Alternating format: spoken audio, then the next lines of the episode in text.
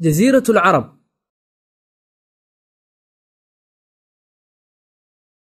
جزيرة العرب مكة المكرمة waa magaalo ku taal tog aan dhir lahayn waa xaruntii towxiidka waana hoygii islaamka waa halka uu ka soo bidhaamay nuurka iyo dhulkii daahirka ahaa waa magaaladii uu ku dhashay kuna soo barbaaray sayidkii nebiyada ee ugu qeyrka badnaa rusushii alleh maxamed naxariisii nabadgelyo korkiisa aatee makka waxa ay ka mid tahay magaalooyinka ugu muhiimsan ee jasiiradda carabta ayadoo la gooni noqotay taariikh muhiim ah.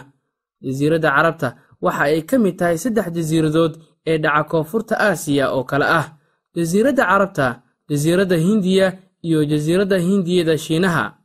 Jasiiradda carabta ayaana ugu badweyn oo waxa ay dhacdaa qalbiga caalamkii hore iyada iyo hindiyana waxaa u dhexaysa sagaal boqol oo kilomitir iyada iyo iiraanna sidaas oo kale waxaa u dhexeeya sagaal boqol oo kilomitir.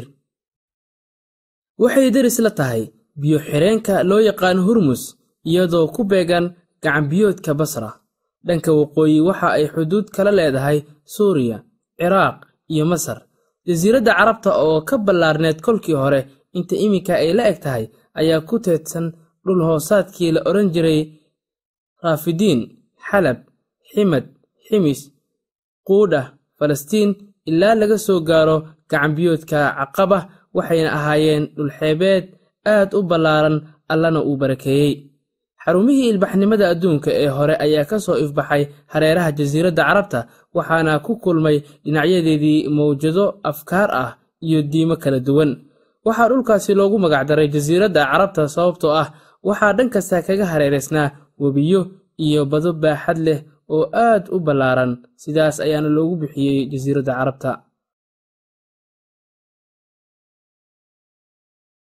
Waxay u qaybsantaa shan qaybood oo kale ah.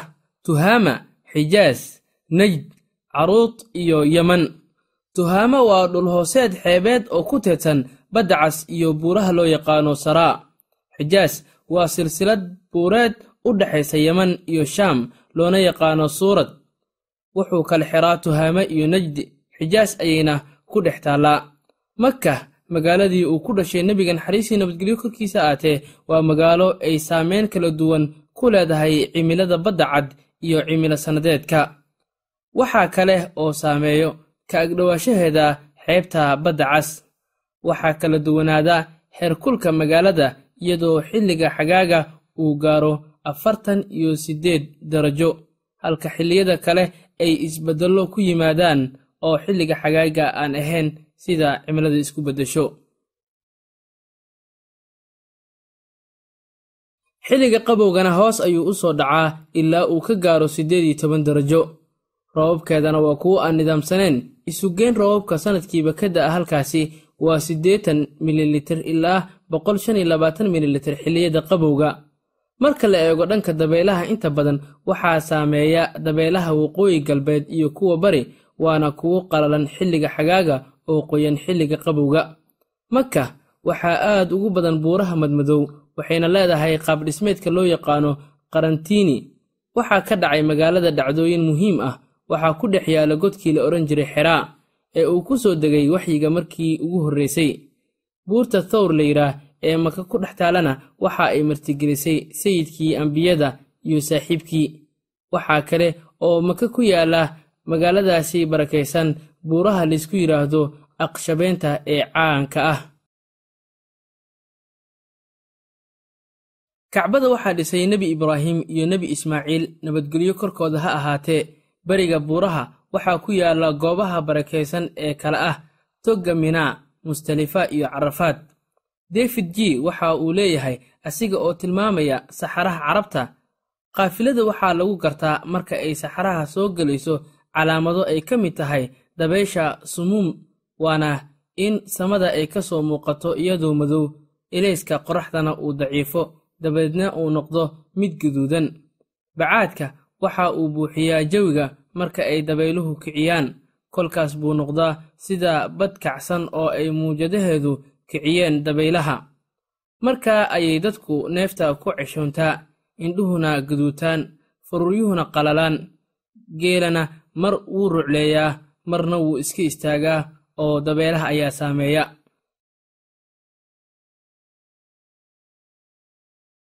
Haddii ay awood u yeelato kaafilada in ay ku ilaaliso nafteeda dhagax buureed gadaashiisa ilaa ay ka degaan dabaylaha way ka badbaadaa hase yeeshee haddii ay wareerto oo ayan ka fog tahay meel ay gabaadsato firfircoonideedii ayaa dhunta oo waxa ay naqataa mid rajabeel ah oo geeri salka u saaran waxaana ay bilowdaa in ay iska cararto.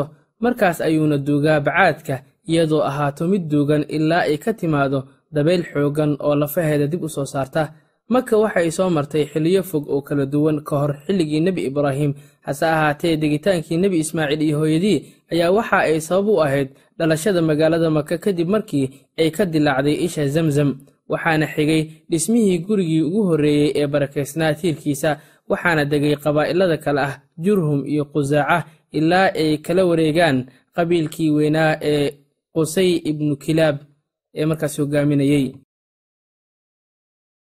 bartamihii qarnigii shanaad ee miilaadiyada waa xilligii ay la wareegeen talada maka quraysh iyo lafaha ay ka kooban tahay waxaana ka bilowday wakhtigaasi dhismayaasha ka samaysan dhoobada iyo dhagxaanta taasoo badashay booskii dhismayaashii ka samaysnaa ee dhogorta xoolaha iyo sidoo kaleeto qusay oo amar ku bixiyey in la dhiso goob ku beegan halka lagu dawaafo waxaana uu ka dhex sameeyey guryaha ay dadku dhisteen waddooyin asigoo amray in aan guryahaasi laga saramarin kacbada. Waxaa ku cad taariikhii hore in jasiiradda carabta ay ahayd meel ku wanaagsan deegaanka dadka qoraaga caanka ah ee la oran jiray josepho soflafios ee noolaa soddon iyo toddobadii ilaa boqolkii miilaadiyada ayaa kutubadiisii waxaa laga helayaa taariikh muhiim ah oo quseeya carabta iyo akhbaar ku saabsan ambaad iyo sidoo kale magacyada qaar ka mid ah qabiilooyinka carbeed ee degganaa jasiiradda carabta ee wakhtiga dheer ku noolaa kuwaas oo ahaa kuwo kala duwan wakhtiyo kala duwanna soo maray. Teotros ninka la yidhaahdo asnaa carabta waxa uu ku tilmaamay in ay yihiin dad jecel xorriyadda waxayna aaminsan yihiin buu yidhi doonista madax bannaanida iyo xorriyadda aan xadka lahayn. Jasiiradda carabta waxa ay dhabar u ahayd diyaanadii samaawiga ahaa iyo meelo laga soo diro nebiyada. Waxaa ku dhex noolaa qoomkii caad iyo nebigii loo soo diray ee huud. Waxa ayna ka tirsanaayeen carabtii baabaaday ee degganayd koonfurta jasiiradda carabta gaar ahaan meel u dhow xadramowt guryahoodu waxa uu ahaa beero iyo webiyo. Rabbi subxaanahu wa tacaala waxa uu yidhi wadkur akhaa caadin id andara qowmahu bilaxqaafi waqad khalat innuduru min bayni yadayhi wa min khalfih anlaa tacbuduu ila allah innii akhaafu calaykum cadaaba yowmin cadiim. Waxaa kaloo ku noolaa jasiiradda carabta nebi saalax iyo qoomkiisii inta u dhexaysa xijaas iyo tabuug iyo nebi shaceeb oo ku noolaa meel la odhan jiray madyan dhulka carbeed waxa uu hoy u ahaa in badan oo ka mid ah fariimihii allaah oo ay dhulka ku yaraatay waxaana iskaga soo dabanoqnoqonaya hijraadka. Yuhuudda waxa ay degtay yathrib iyo yeman kadib markii ay ka soo carareen roomaankii sidoo kale nasaaradii ayaa magaaladaasi kaga badbaaday boqorradii najraan. Taasi waa jasiiradda carabta waxaa ku yaalla dhexdeeda togga loo yaqaano sarxaan oo uu dhirirkiisu gaarayo saddex kun oo kilomitir togga ximd togga rimmah togga dawaasir iyo togga carcar waxaa gudaheeda ku yaalla ilo fara badan iyo haro waaweyn. Waa dhulkii uu nebiga sala allahu caleyh wasallam kaga soo diray raxmadda dunida. Ilaah subxaanahu wa tacaala wuxuu yidhi wamaa arsalnaaka ilaa raxmatan lilcaalamiin kuumaanan soo dirin inaa naxariis u tahay caalamka mooyaane. Waxaana uu ahaa halkaasi meeshii lagu soo diray nebi moxamed calayhi salaam qarnigii lixaad markii la soo gaaray waxaa haleelay diimihii hore iyo warqadihii uu allaah nebiyada qaar ku soo dejin jiray fasaad iyo in wax laga beddelay waxayna noqdeen kuwo lagu ciyaaray. Sidoo kale waxaa faafay dabcaabudnimadii adduunka dhan. Qur'aanka ayaa ka sheekeeyey oo weliba si ballaaran uga hadlay yahuudda sidii ay u beddeleen kitaabadii hore iyo sida ay u leexiyeen dhanka dabcaabudnimada iyo dhanka shirkiga sida ay ugu muquurteen allah waxa uu yidhi walaqad jaa'akum muusaa bilbayinaati huma ittakhadtum alcijla min bacdihi wa antum daalimuun sidoo kale ilaah subxaanahu wa tacaala waxa uu qur'aankiisa ku yidhi ittakhaduu axbaarahum wa ruhbaanahum arbaaban min duuni illaah aayadaha qur'aanka kariimka ayaa wax badan caddeeyey waxyaabihii ay yuhuudda sameeyeen qarnigii toddobaad yuhuudda ayaa waxa ay fidno dhex dhigtay nasaaradii antakiya iyo hogaamiyihii beershiyaanka ahaa ee fogaas la odhan jiray taasoo dhalisay xasuuq ba'an oo loo geystay nasaaradii antakiya iyo shaam. Intaa kadibna waxa uu hiriqle ciqaabay yuhuudii ciqaab aad u adag qur'aanka ayaa tilmaamay dalika biannahum qaaluu laysa calayna fi lummiyiina sabiil wayaquuluuna cala allahi alkadib wahum yaclamuun waxaana dhacay dagaal aad iyo aad u weyn oo u dhexeeyey nasaaradii shaam iyo dowladdii roomaanka oo dhinac ah iyo nasaaradii masar waxaana uu dagaalkaasi salka ku hayay khilaaf u dhexeeyey ayaga iyo xaqiiqada ay ka aaminsan yihiin nebi ciise calayhi salaam waddankii loo aqoon jiray bershiyaanka waxa ay dadka aaminsanaayeen ilaahnimada mithra aashaah iyo iimaa taasina waxaa u geeyey jahliga ay iyagu qabeen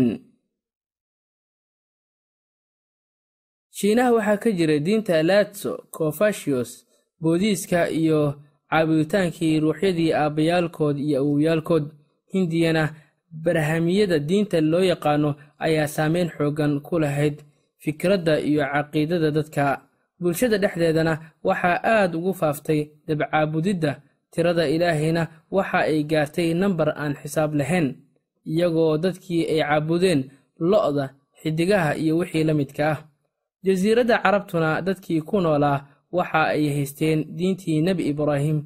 Allah subxaana wa tacaala ha ka raali noqdee waxaana ay ahaayeen kuwo ku dheggan ilaah subxaana wa tacaala qur'aankiisu wuxuu ku yidhi yaa ahla alkitaabi lima tuxaajuuna fii ibraahiima wamaa anzalat altawraata waalinjiila ila min bacdihi afalaa tacqiluun? Ha antum haaulaa'i xaajajtum fima lakum bihi cilm.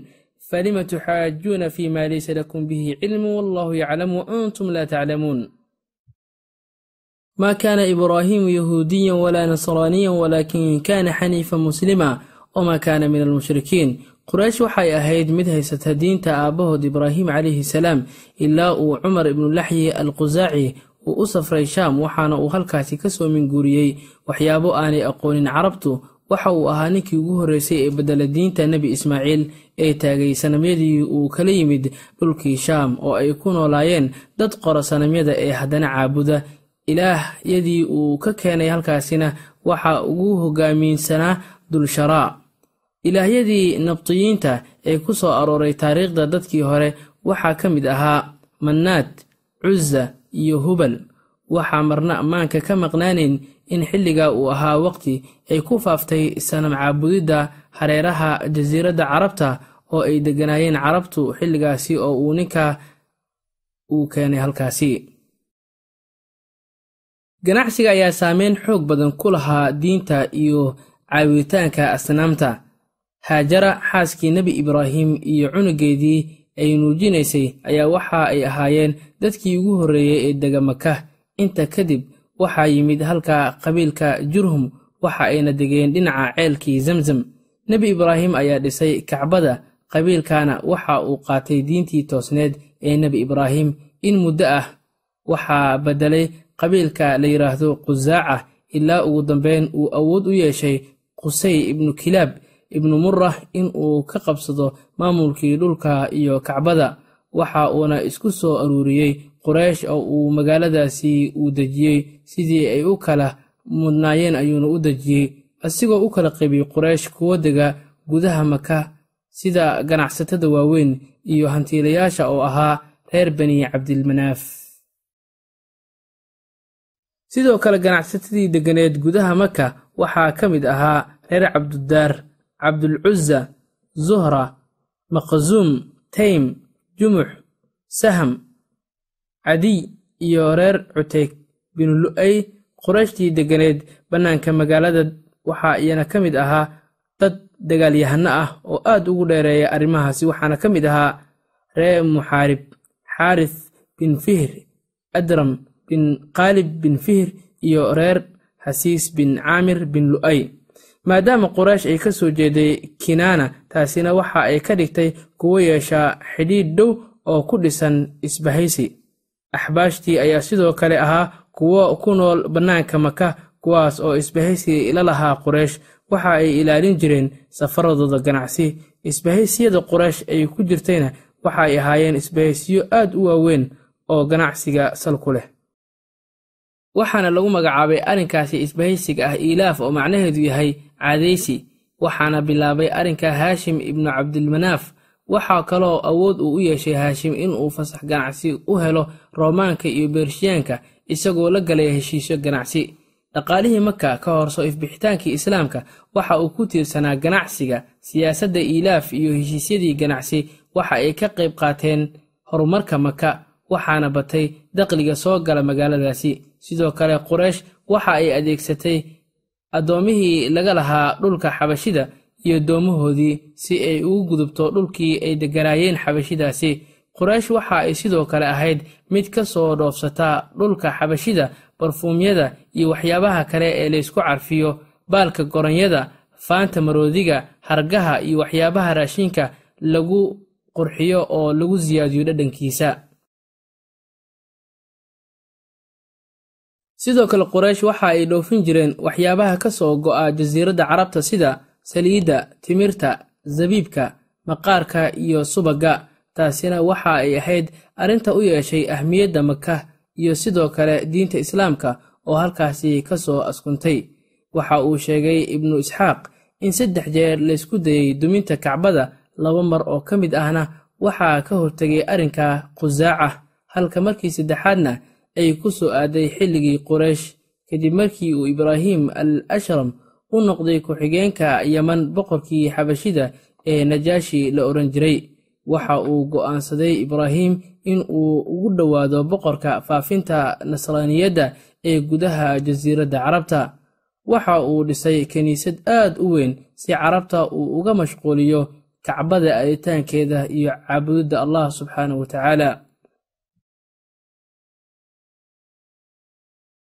waxa uu u dhaqaaqay makah si uu u soo dumiyo gurigii barakaysnaa waa ayna jabeen dhammaan qabaa'iladii is-hortaagga ku samayn lahaa ilaa uu ka gaaray daa'if xilligaasi oo ay reer thaqiif u soo direen.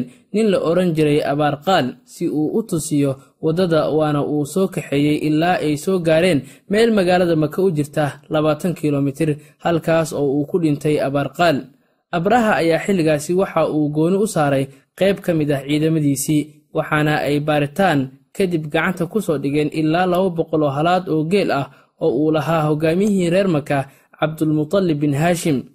Abraha ayaa ka dalbaday hogaamiyihii reer maka cabdulmutalib ibnu haashim in uu u yimaado si uu ugala sheekaysto arrimaha uu doonayo waxaana uu u wacay in uu halkaas yimaado si uu ugu sheego in uusan dagaal u imaan ee uu u yimid burburinta kacbada oo keliya cabdulmutalib waxa uu kula dardaarmay ehelkiisii in ay ku ururaan dusha sare ee buuraha si ay uga nabadgalaan dhibaato kasta oo suuragal ah in ay ka soo gaarto ciidamada abraha. Intaasi kadibna waxa uu bilaabay in uu galo kacbada allahna uu ka baryo inuu badbaadiyo gurigiisa barakaysan dhanka kale abraha waxa uu isku soo diyaariyey gelistii maka si uu u guda galo. Duminta kacbada waxa uuna diyaariyey dhammaan maroodyadii uu watay waa uu ku jiheeyey dhanka maka laakiin waxa ay bilaabeen in ay ka diidaan dhankaasi in ay u dhaqaaqaan xataa haddii uu garaacay.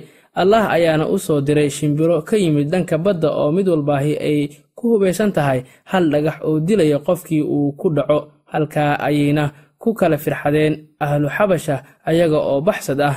Abraha waxaa ku dhacay balaayo aan la aqoonin waxaana go'go'ay qeybo ka mid ah jirkiisii asiga oo nool oo waxaa dhacaya farihiisii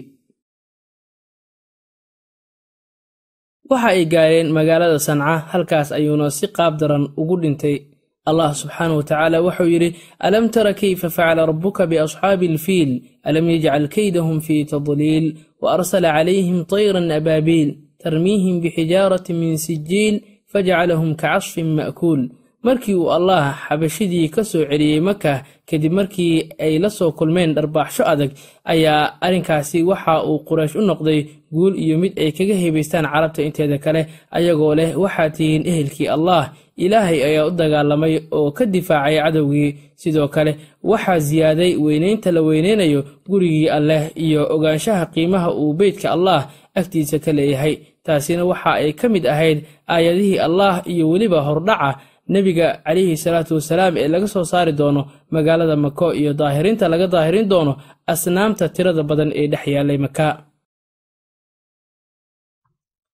dhacdadaasi ayaa u ahayd kacbada mid ku soo celisay sarreynteedii iyo in carabtu ay weynayso. Sidoo kalena carabi waxa ay ka dhigtay dhacdadaasi taariikh layska wariyo waxayna xilligaasi ahayd shan boqol iyo toddobaatankii miilaadiyada waxay isku beddeshay magaalada maka bartamihii qarnigii shanaad ee miilaadiyada magaalo horumarsan halka ay markii hore ahayd meel miyi ah. Waxaana yimid nidaam dimuqraadi ah taas oo uu dhaliyey awowgii shanaad ee nebiga naxariistii nabadgelyo korkiisa haatee ninkii la odhan jiray qusay ibnu kilaab ninkii la odhan jiray kaas oo isu keenay quraysh dejiyeyna maka asiga ayaana ahaa horseed dhan walba ah haddii ay noqon lahayd biyasiinta dadka xujayda ah iyo nadwada iyo wixii la mid ah waxa uuna ahaa ninkii aasaasay gurigii nadwada ee ku shiri jireen quraysh dhammaantood. Ma uusan jirin qof geli jiray gurigii nadwada marka laga soo tago reer qusay. Ilaa qof afartan jir ah mooye laakiin reer qusay dhammaantood ayaa geli jiray yar iyo weyn oo waxa uu guriga u gaar ahaa haashim umaya maqsuum jumux saham taym cadiya asad iyo reer noofal iyo zuhra. Geeridii qusay kadibna waa ay kala qaybsameen. Dhammaan quraysh waxaana manaasibtii kacbada ay u kala qaybsadeen sida ay u kala qaybsameen si la mid ah laf walbaahi oo ka mid ahna waxa ay si gooni ah u qaadatay qayb ka mid ah maamulkii iyo shaqooyinkii kacbada tusaale ahaan. Reer bani haashim waxa ay qaateen biyosiinta xujayda. Reer bani asadna waxa ay gooni la noqdeen arrinta agaasimka shirarka iyo wadaxaajoodyada quraysh oo nadwadii ayay hoggaan u noqdeen halkaas ayayna markaasi istiqraar ku heleen. Reer bani asad haddii ay ku waafaqaan waa uu dhaqangeli jiray haddiise ay ku diidaan halkaa ayuu ku hakan jiray dhammaan shirarkii quraysh. Magaalada maka waa ay horumartay marka la eego dhanka ganacsiga. Waxaa siyaaday dhaqaalihii soo gelayay xilligaasi oo ay wax ku kala iibsan jireen lacagta roomaaniga tan iiraaniga iyo tii xilligii jaahiliga la isticmaali jiray. Laakiin xilligii islaamku yimid ayaa waxaa isbedelay lacagtii oo waxa ay noqdeen laba nooc oo kale ah dirham iyo diinaar dirhamyaduna waxa ay ahaayeen kuwo laba nuuc ah oo kale ah. Mid naqshad farrisi ah ay ku taallo oo la odhan jiray balqah iyo mid ay naqshad ruumaani ah ay ku taalay oo la odhan jiray dhabriya iyo bizantiya waxaana lagu kala adeegan jiray lacagta noocaasi ah oo leh tilmaamaha kor aan ku soo xusay xilligii islaamka kadib kulligoodna waxay ahaayeen fido inkastoo ay miisaan ahaan kala cuslaayeen sidaas daraaddeed ayayna reer maka ugu xisaabtami jireen miisaanka ayagoo aan tiro u eegeynin sharciga ayaa waxa uu ka dhigay dirhamka in shan iyo konton dirham kasta la siisto qamadiga miisaan dhexaadkiisa. Sidaas oo kale ayaana loogu qiyaasayaa oo haddii uu dirhamku bato miisaanka ayaa badanayay haddii uu yaraadana waxaa yaraanayay miisaanka. Lacagtaasi fidada ah ayayna aad u isticmaali jireen carabtu xilligii nebinimada. Laakiin diinaarku asalkiisu waa dahab waxa uuna ahaa xilligii jaahiliga iyo bilowgii dowladdii islaamka ee shaam iyo carabtii reer xijaas. Kuwo aad u isticmaala waxaana bartamaha diinaarka ku yaalay sawirka boqor kelimadaasi diinaarka ma ahan kelimad carbeed ee waa kelimad cajam ah oo la carabeeyey waxaana lacagtaasi ay ahayd mid aad u qiimo badan waxa uu ku soo arooray diinaarka kutubka injiilka marar fara badan waxaana lagu miisaamaa mithqaal oo halkii mithqaalba oo dahab qaalis ah. Waxa uu la egyahay toddobaatan iyo laba qamadi ah. Farqiga u dhexeeya diinaarka iyo dirhamkuna waa toddoba ilaa toban halkii diinaar ayaa lagu sarrifaa toban dirham waxaa ku soo arooray kutubta saxiixeynka abi daa'uud inuu ka wariyey cumar bin shuceyb oo ka soo wariyey aabihii oo ka soo dhegaystay awowihii. Waxa uu ahaa qiimaha diyada xilligii nebinimada siddeed boqol oo diinaar ama siddeed kun oo dirham.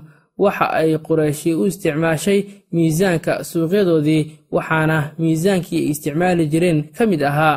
Waxa loo yaqaano saaca mud rotol awqiya iyo mithqaal oo dhammaantoodba ka mid ahaa miisaanadii ay isticmaali jireen. Quraysh xilligaasina waxaa ahmiyad weyn ay siin jireen miisaanka oo tiro ma aysan xisaabin jirin. Waxay ahaayeen kuwo aqoon durugsan u leh xisaabta waxaana arrinkaa lagu caddeeyey qur'aanka markas ayay diinta u ahayd iyadoo ay caan ku ahayd dhaqaalaha hogaaminta ganacsiga iyo horumarka luuqadda taas oo ka dhigtay magaalada maka in ay noqoto magaalada ugu horumarsan magaalooyinka jasiiradda carabta. Waxaa la tartamay mar dhanka horumarka magaalada sanca ee dalka yemen hogaaminta carabta waana ay soo gaari weyday kadib markii ay xabashidii qabsadeen magaalada sanca qarnigii lixaad ayayna furus ka dhigteen boqortooyo xilligaasi oo ay yeman weyday boqortooyadii la odhan jiray xiira iyo qasaan iyo qiimihii ay lahaayeen. Waxa ay noqotay caasimadda jasiiradda carabta magaalada maka iyadoo aanay jirin cid kula tartanta hoggaanka waddamada carabta iyo dhammaan dadka carbeed ee ku nool jasiiradda carabta abraha markii uu arkay imaashihii hogaamiyihii reer maka aad buu u maamuusay oo waa uu soo dhoweeyey waxa uuna ka kacay sariirtiisii oo waa uu la fadhiistay dantii uu lahaa ayuuna weydiiyey waxa uu ugu jawaabay waxaan doonayaa in aad ii soo celisid geelaygii wuu la yaabay abraha arrinkaa waxa uuna dhahay ma geelaada ayaad ka hadlaysaa oo waxaad ka tegaysaa beydkii diintaadii iyo diintii aabbayaasha oo aan u imaaday in aan burburiyo. Waxa uuna cabdulmutalib ku jawaabay aniga geela ayaan leeyahay beydkaasna waxaa iska leh allaah asiga ayaana kaa ceshan doona. Abraha waxa uu dhahay ma uusan ahaanin mid iga celin kara ee u celiya geeliisii cabdulmutalib waxa uu u soo bandhigay abraha hanti dhan tuhaama saddexu qayb qayb ka mid ah. Waxa uuna sheegay in uu siinayo haddii uu ka tanaasulo burburinta kacbada. Abrahana arrintaasi waa uu ka diiday waxa uuna bilaabay cabdulmutalib in geeli uu hadiyeeyo kacbada